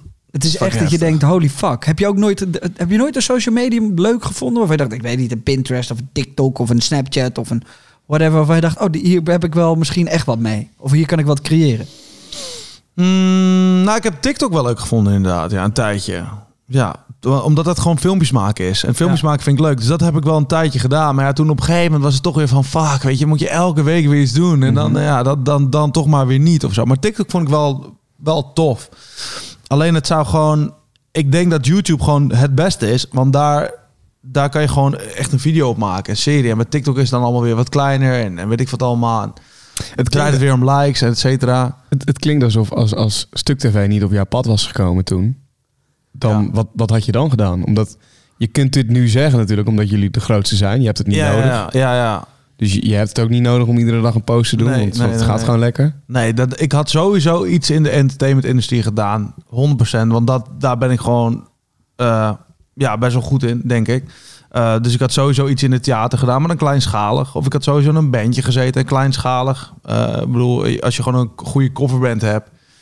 en je speelt eh, vier, vijf shows in de week... dan kan je daar in principe ook wel van leven als je nog wat Ja. losse dingen doet. Dus ik had, ik had zoiets gedaan. Gewoon kleiner. Ja, of acteren of zo, whatever, ergens. En Ja. dan hebben wij het ook wel met Giel natuurlijk over gehad dat, ehm, dat, dat Stuk TV op een dag misschien dat jullie met z'n drieën naar achteren stappen, weet je wel? Dat er, een, Ja. dat er nieuwe mensen worden geïntroduceerd of dat het een... Ja, daar geloof, ik geloof daar niet in hoor. Dat kan, Nee? Giel kan dat zeggen, maar dat geloof Nee, dat natuurlijk niet. Dat werkt niet. Nee, dat blij- niet. blijft het altijd jullie drie of, of anders dan, dan stopt het? Ehm, nou, het, het, het, zou, het zou door kunnen gaan met drie andere mensen. Maar ik denk dat het lang niet zo goed zal lopen als, als, wij, als dat wij het doen. Want Ja. Stuk TV is toch gewoon Giel, Thomas en Stefan. Denk, Nee. je niet, denk je niet dat er, dat, er, ehm, Denk ik hoor. Maar dat er iemand bij komt, alleen dat jullie nog wel blijven maken, maar dat die bijvoorbeeld de maandag krijgt of de woensdag? ja, dat zou, dat zou kunnen. Erbij. Ja. Ik denk dat een, een vervanging werkt niet. Nee, dat nee, denk maar ik ook de, niet. erbij zou kunnen, ja. En dan moet het wel een heel leuk iemand zijn. Ja, maar lastig wel. hoor. Pak, Ja. een flink pak je aan. Nou ja, het is natuurlijk helemaal niet gek om weer terug te gaan naar de basis zoals Giel mensen heeft gevonden. Ja. Dat je zo één of twee presentatoren of presentatrices vindt die wel wat zouden kunnen gaan doen op het kanaal. En die, dat je het publiek daarmee Ja, eh, maar mee laat beslissen. eigenlijk doen we dat al. Want Ja. we hebben toch gewoon series waar superveel andere mensen aan meedoen. Dus dat werkt, dat zou, dat zou wel werken, ja. En zelf eigen series maken. Want er zijn er natuurlijk zijn we, mee, zijn we mee bezig. Dus dat je niet Giel en Thomas ziet, maar bijvoorbeeld alleen Stefan? Ja, dat gaat komen. Ja? Ja. ja, dat gaat komen. Ik ben met iets heel... eh, ik heb iets heel erg tofs gemaakt. Wat dit jaar gaat uitkomen. En wat echt mijn eh, nou ja, stukje is wat ik heel graag wilde maken. En eh, wat heel erg rauw is. En heel erg puur. En heel erg dom. En eh, ja, dat gaat binnenkort uitkomen. Ik weet niet wanneer dit online komt, deze podcast. Nou, deze komt al aanstaande zondag al online. Ja, en dan komt het nog. Het komt in februari, gaat het online komen. Holy fuck. En dat wordt wel echt heel vet. En dat zou ook helemaal fout gaan met een aantal dingen. Dus dat wordt, eh, dat wordt, ik kan er niet heel veel over zeggen, helaas. Maar dit is, dit is een, een eigen serie. We gaan dus eigen series maken voor de woensdag. Want we zijn gestopt met de opdrachten. Ja. Dus nu zijn we meer gaan kijken. Oké, Giel, wat wil jij heel graag doen? Thomas, wat wil jij heel graag doen? Steven, wat wil jij doen? Uh, het is wel met z'n drieën. Dus we zitten er wel allemaal in. Uh, maar op een soort andere manier dan dat je... Gewend bent. Ja, maar dit wordt wel echt heel erg kicken. Is dit Ja. Ehm, lastiger om te starten, zoiets nieuws, waarvan je niet gelijk weet of het gaat scoren, nu jullie onder een vlag van Talpa zitten, dan dat dat drie jaar geleden misschien was geweest? Of worden jullie daar helemaal fijn gelaten? hij doet zijn ogen dicht. Hij moet er even goed, goed tactisch over nadenken. Want ze moeten een nieuw contract tekenen. Nee, in alle eerlijkheid, wij worden helemaal losgelaten. Met, eh, met wat wij willen maken en wat wij willen doen. En ik heb, ik heb wel gesprekken gehad met, eh, met mensen, met hoge mensen van Talpa. Eh, maar die geloofden wel in mijn concept en die willen, het wel, die wilden het wel proberen. Dus ik heb het gemaakt. En, Heb je wel eens met John dan gezeten? ik heb wel eens met John gezeten, ja. Ja, ja, ja. ja. En hoe, Superleuk. Hoe gaat dat? Ja, dat is gewoon, ik vind het een hele aardige man, gewoon. Ja. Ja, ik vind een hele aardige hij, man. Hey Thomas, hey Giel, hey Stefan. Ja, ja, ja. Hij, hij kent, die oude oude pijp? hij, hij, kent, hij kent ons wel, ja. Dat is Ja? wel echt tof, ja. En ehm, ja, gewoon een hele aardige man. Ik heb hem laatst nog gezien voor een nieuw eh, tv-programma... Waar ik, eh, waar ik ook al mee ga doen met Giel en To. Dat komt ook eh, volgend jaar online. En daar was hij ook bij. En dan hebben we gewoon even echt een gesprekje met, met hem. En ja, en hij is, hij is best wel enthousiast over ons of zo. Ja. We hadden dan eh, die, die bijvoorbeeld die, die tv-shizzle gedaan. En hij zei echt, nou, jullie hebben het echt goed gedaan. En het komt echt goed over. En eh, waarschijnlijk wordt dit zelfs de eerste of tweede aflevering. En terwijl we al iets van acht leveringen hadden ze al gedraaid. Dus Ja. dat is wel een compliment, zeg maar. Mhm. Dus eh, nee, Talpa en Stuk gaat echt heel goed samen. Beter dan het ooit bij anderen is gegaan. Daar ben ik echt heel eerlijk in. En we worden ontzettend vrijgelaten in alles wat we doen. En eh, ja, gokjes moet je sowieso soms nemen, weet je wel. Als het niet eh, bekeken wordt, dan is het zuur. Ik denk dat het sowieso niet bekeken wordt wat ik ga maken. Want het wordt allemaal 18 plus. Het wordt er sowieso allemaal gedemonetized. Want ik ga echt eh, de grens opzoeken met wat wel en, en niet mag op YouTube. Zo, maar dan, dan zeg je nogmaals, je hebt vrije keuze hierin. Maar als het gedemonetized wordt, Ja. wordt- wordt het dan, dan, dan is het... Ja, dan wordt het minder bekeken, zeg maar. Als het Ja. gemonetized wordt, komt dus niet in trending. Het wordt niet aanbevolen. Nou ja, en je verdient er gewoon geen geld mee Nee, dat ook niet. Nou ja, en dat mocht, dat heb ik er allemaal doorheen gekregen bij Talpa. Ik zei, jongens, ik wil graag eh, een eigen show maken. Ik wil A, dat het gedemonetized mag worden. Dus geen inkomsten. Ik wil dat het 18 plus wordt. En ik wil eh, een zootje funzigheid erin. Weet ik het allemaal. Talpa zei, nou Steve, als jij dat heel graag wil, dan... eh, dan gaan we, dat, eh, gaan we dat regelen. Dus ik heb een week lang echt, echt ontzettend toffe opnames gehad. Met allemaal gekke dingen. Wat in sneltreinvaart allemaal gedaan is. En ehm, as we speak is mijn schouder nog steeds uit de kom van mijn linkerarm door een stunt die ik heb gedaan. Wauw. Eh, dus dat, dat Is dit, wordt eh, echt de- ziek allemaal. De Jackass-stijl waardoor je vroeger als kind werd geïnspireerd? Eh, ik ben zeker weten door mijn jeugd geïnspireerd.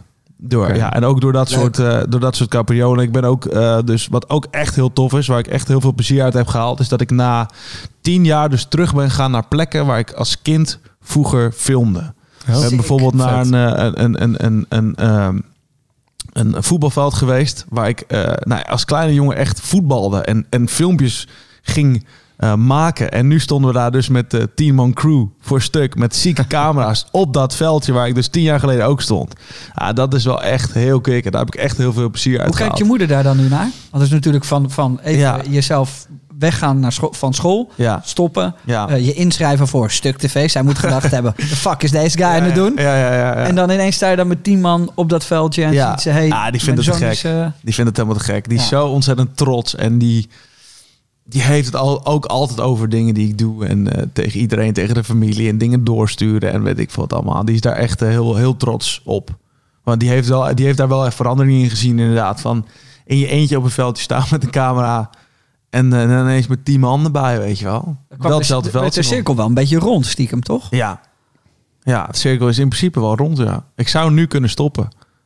Nou, Want ik ben, nu, ik ben nu klaar. De cirkel is rond. En mijn moeder is trots. En ik ben eh, ontzettend blij en gelukkig. Dus het zou zomaar een eindpunt kunnen zijn. Ik gok van niet. Nee, nee, grapje. Nee, absoluut niet. Maar- nee, deze gaan we wel als teaser dit wordt wel een Instagram teasertje.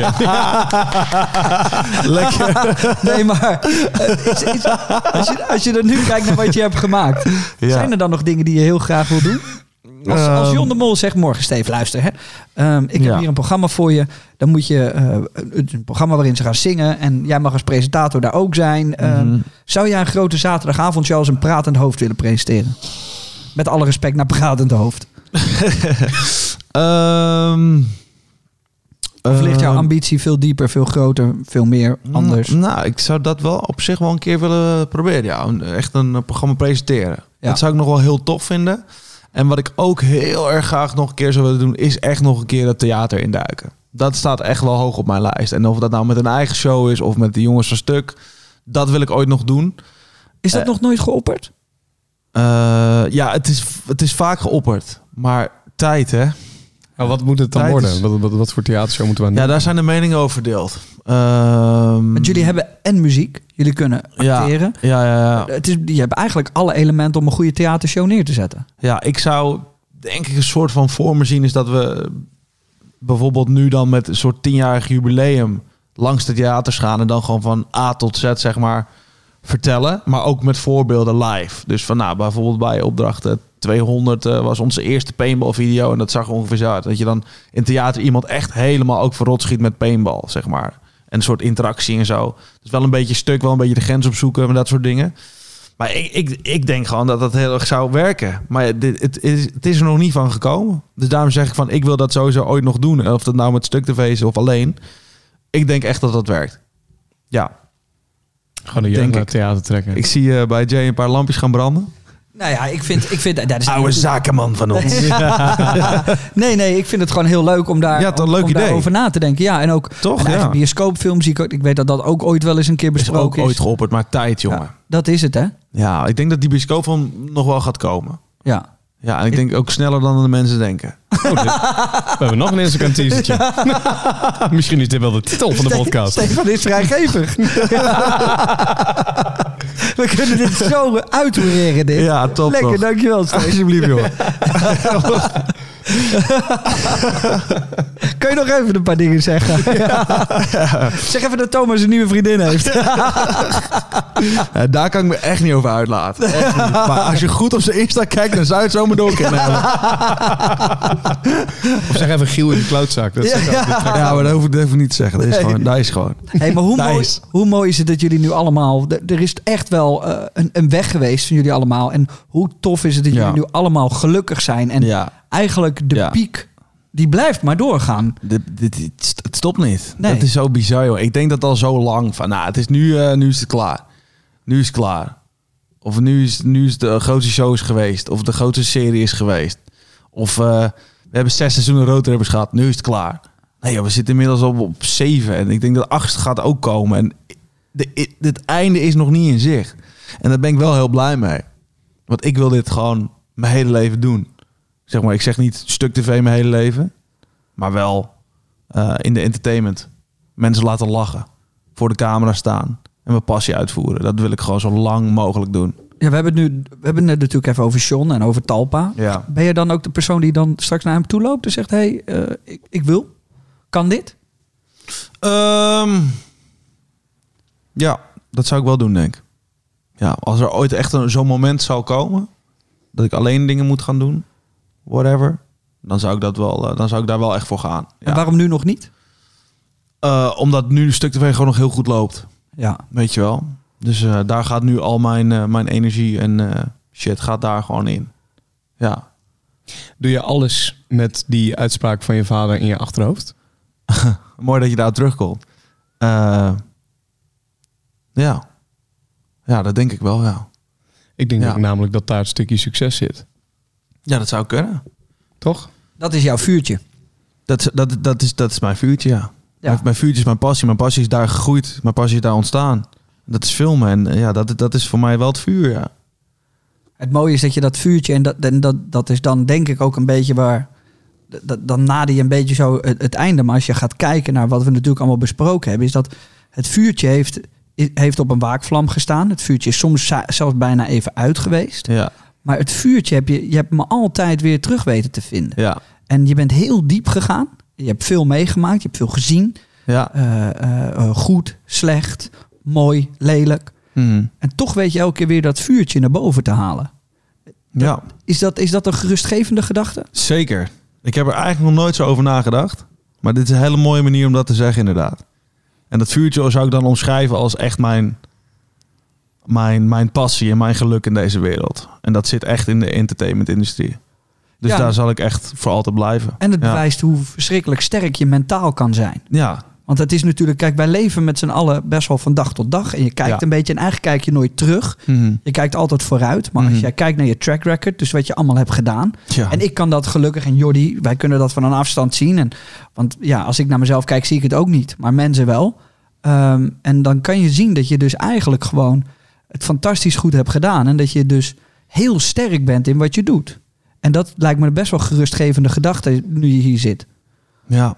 Nou, ont- ontzettend mooi compliment. Ja, Ja. En ik denk ook dat iedereen Zeker. Dat, dat, dat vuurtje, eh, wat het ook is, in zich heeft, toch? Dus op het moment dat je even niet meer weet... ja maar je moet het wel moet. vinden, hè? Ja, nou ja, dat is dan de eerste opdracht. Als je die niet hebt gevonden, ga op zoek naar dat, Ga op zoek naar dat vuurtje, ja. Want Hoe het zou jij vuurtje zit vuur- sowieso in iedereen. Hoe zou jij Ja. het vuurtje omschrijven, Steve? Voor mij persoonlijk of in Ja. het algemeen? Nou, gewoon hoe, is- eh, als, als je het zou moeten voelen. Ik, ik weet dat ik bij mij, ik krijg dus kriebel in mijn buik. Ik krijg een soort van druk op mijn borst als ik weet dat ik iets heel leuk vind. Ja, ik denk dat het vuurtje is. Het, ik denk dat het vuurtje bepaalt wat je, wat je gelukkig maakt in het leven. Ik bedoel, er zijn voor iedereen is er echt, zijn er echt dingen waar jij alleen gelukkig van wordt. En dat moet jij uitvinden. En dat maakt geen reet uit wat het is. Als het verven, planten verzorgen, eh, boswachter zijn, eh, dingen omhoog hijsen, hele grote dingen omhoog hijsen. Dat voor iedereen heeft zijn eigen vuurtje. En het vuurtje is, dat moet je uitzoeken, want daar word je gewoon ontzettend gelukkig van. En dat is het allerbelangrijkste in het leven. Dan valt geld weg. Dan valt eh, succesvol zijn boeit dan niet meer. Eh, of je een duur horloge om hebt boeit niet. Dat soort dingen zijn allemaal dan relatief.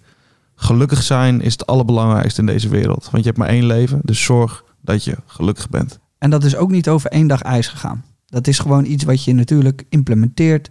Hetzelfde als jou terugkomen van dat je even... Tuurlijk, je moet ervoor werken. Ja, gelukkig zijn krijg je niet gratis. Je moet daar wel je best voor doen. ja. Je en zoeken. onderzoeken Ja. wat, wat het is, waar het zit. En dat kan lastig zijn als je jong bent. Maar uiteindelijk gaat er wel een moment komen dat je, dat je echt wel weet waar je gelukkig van wordt. Ja, dat denk ik wel. En er zijn dus ook een hoop mensen die dan het hebben gevonden en toch voor wat anders kiezen. Omdat die onzekerheid je toch eh, Nekt. nekt. Ja. ja, dat zou zomaar kunnen, ja. Dat is, dat is lastig. Maar ja, ik denk dat dat gewoon de wereld is waarin we nu leven, man. Ja. Confronterend soms. Ja, en ik denk dat mm, mensen gewoon denken dat er heel veel van hun verwacht wordt of zo. En dat je misschien gaat leven naar de verwachtingen van de mensen die zij van jou hebben. Maar ja, je moet echt voor jezelf gaan, toch? Ik had laatst iemand eh, sprak ik en die zei, eh, en dit vond ik een hele mooie. Goh, we gaan diep, dat zei Stefan net al. Kom wat ik een hele mooie vind is dat ehm, ehm, je moet voor jezelf zorgen zoals je voor iemand anders zorgt. Dus je moet, eh, als je iemand anders advies geeft over wat diegene zou moeten doen. Mhm. Dus als ik jou advies geef van, nee, zorg beter voor jezelf, slaap goed, eet goed, dan voel je je beter. Moet je dat zelf ook doen? Zo moet je dat voor jezelf doen. Je moet jezelf als een derde persoon zien en denken: oké, hoe ga ik voor deze persoon zorgen?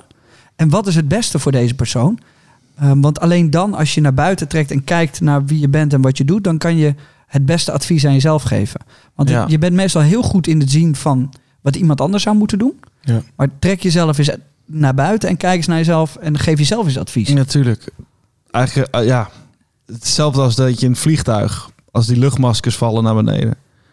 Eerst bij het kind, of nee, eerst bij jezelf. Ja. En dan bij de personage, dan bij het kind. Want Als ik naast JJ zit, doe ik dat sowieso hoor. Dan eerst mezelf en dan pas JJ. Maar, Eh, eh, nee, eerst jezelf en dan ik, want ik, Ja. ik ben het Dus kind. eerst voor jezelf zorgen en dan voor anderen. zei ik het andersom? Ja. Ja, ik zei het ook Ik wilde even een sneer maken. Maar... Ja, jammer. Hey, ik denk, ehm, ehm, kijk, en dit is waarom we jou hebben uitgenodigd. Is omdat je soms zelf, denk ik, niet helemaal in de gaten hebt hoe inspiratievol je bent en hoe veel je hebt meegemaakt en hoeveel je hebt gedaan. En, Ja, en het is, ik denk dat mensen hier eh, eh, heel fijn naar gaan luisteren. ik hoop het. Vind je dat jammer? Wat? Misschien? Dat mensen dat niet gelijk eh, aan je zien? Nee, ik, ik hoef dat niet. Ik hoef, Nee. geen, ik hoef geen credits, ik hoef geen, geen stempels of, of dingen of whatever. Dat, dat boeit Ja, mij dat is niet. mooi, Ik dat wil is gewoon, prachtig. ik wil echt doen wat Maar ik zelf. niet dan? eh, omdat ik zelf gelukkig wil zijn. En Ja. de mening van andere mensen moet niet uitmaken voor jezelf. Eens. Toch? Ja, ben ik het helemaal mee Ja. eens. Dus ik denk dat dat een simpele versie is. Zeg maar simpel gezegd. Simpel en duidelijk. Ja, dat, dat wel, ja. Ja. En ik doe gewoon wat ik, eh, wat ik het allerliefste doe. En toevallig eh, kijken daar heel veel mensen naar. Gelukkig. Ja, toch? Dat is toch vet? Je nieuwe serie, wanneer komt die uit? Eh, februari, half Februari. februari ongeveer. Daar kijken wij naar uit, kan ik je vertellen. Ja, ik ook. Dat gaat Heel mooie vet. worden. Jordi, Ja. wil jij hem nog even... eh, Stefan, bedankt in ieder geval. Ja, dankjewel jongens. Mooi gesprek. Wil jij hem nog even ongegeneerd hard afsluiten met allemaal promo? Nou, ik denk dat we eerst even een codewoord moeten vragen Oh, aan, codewoord, eh, ja. aan Stefan. We, we hebben een codewoord en Mhm. eh, als mensen dat in onze DM sturen, dan weten we dat ze tot het einde geluisterd hebben. En dat Oeh. kan echt totaal random shit zijn. Waarvan we dan over een aantal maanden denken, wat de fuck krijg ik nu in mijn DM? Oh ja, dat was dat gesprek met gehad. Stefan. Dat Ja. ik denk goudvissen. Dan denk ik, wat de fuck stuur jij? En dan denk ik, oh ja, dat is van die. Ja, ik denk dat het een eh, vuurtje moet zijn. Vuurtje. Ja, en dan het liefst uitgeschreven. Want eh, kijk, een, een vuur-emoticon die kan je wel eens krijgen als je iets stofs doet. Ja. Maar laten we gewoon vuurtje uitgeschreven doen. Ja. nice. Dus die, die kan je in onze DM gooien, die van Jordi, Stefan of die van mij. Ja, En dan weten we dat jij tot het einde hebt geluisterd. Zeker. En eh, vergeet dan ook absoluut niet even te volgen op Spotify. Even bij Apple Podcast een recensie achterlaten. Dat mag kut zijn, dat mag met feedback zijn. Dat mag Nee, een gast... Jordi. Nee, maar zolang het maar vijf sterren is. Ja, maar het mag niet kut zijn. Dat heb ik nu al als een jij, als jij eh, wil zeggen, het is een kut podcast, maar ik geef Nee. hem wel vijf sterren, dan boeit me dat niet. niet. Ook niet. Nee, als je luistert en al vind je het kut, dan hou je lekker je mond. En Dat druk is vijf oude rugbier van eh, JJ die naar Nou ja, ik heb al gezegd, ik heb een knokploegje klaarstaan hier buiten. En als ik je weet te vinden, dan, eh, dan, dan regelen we het gewoon even. ik hoop dat je niet mij bedoelt.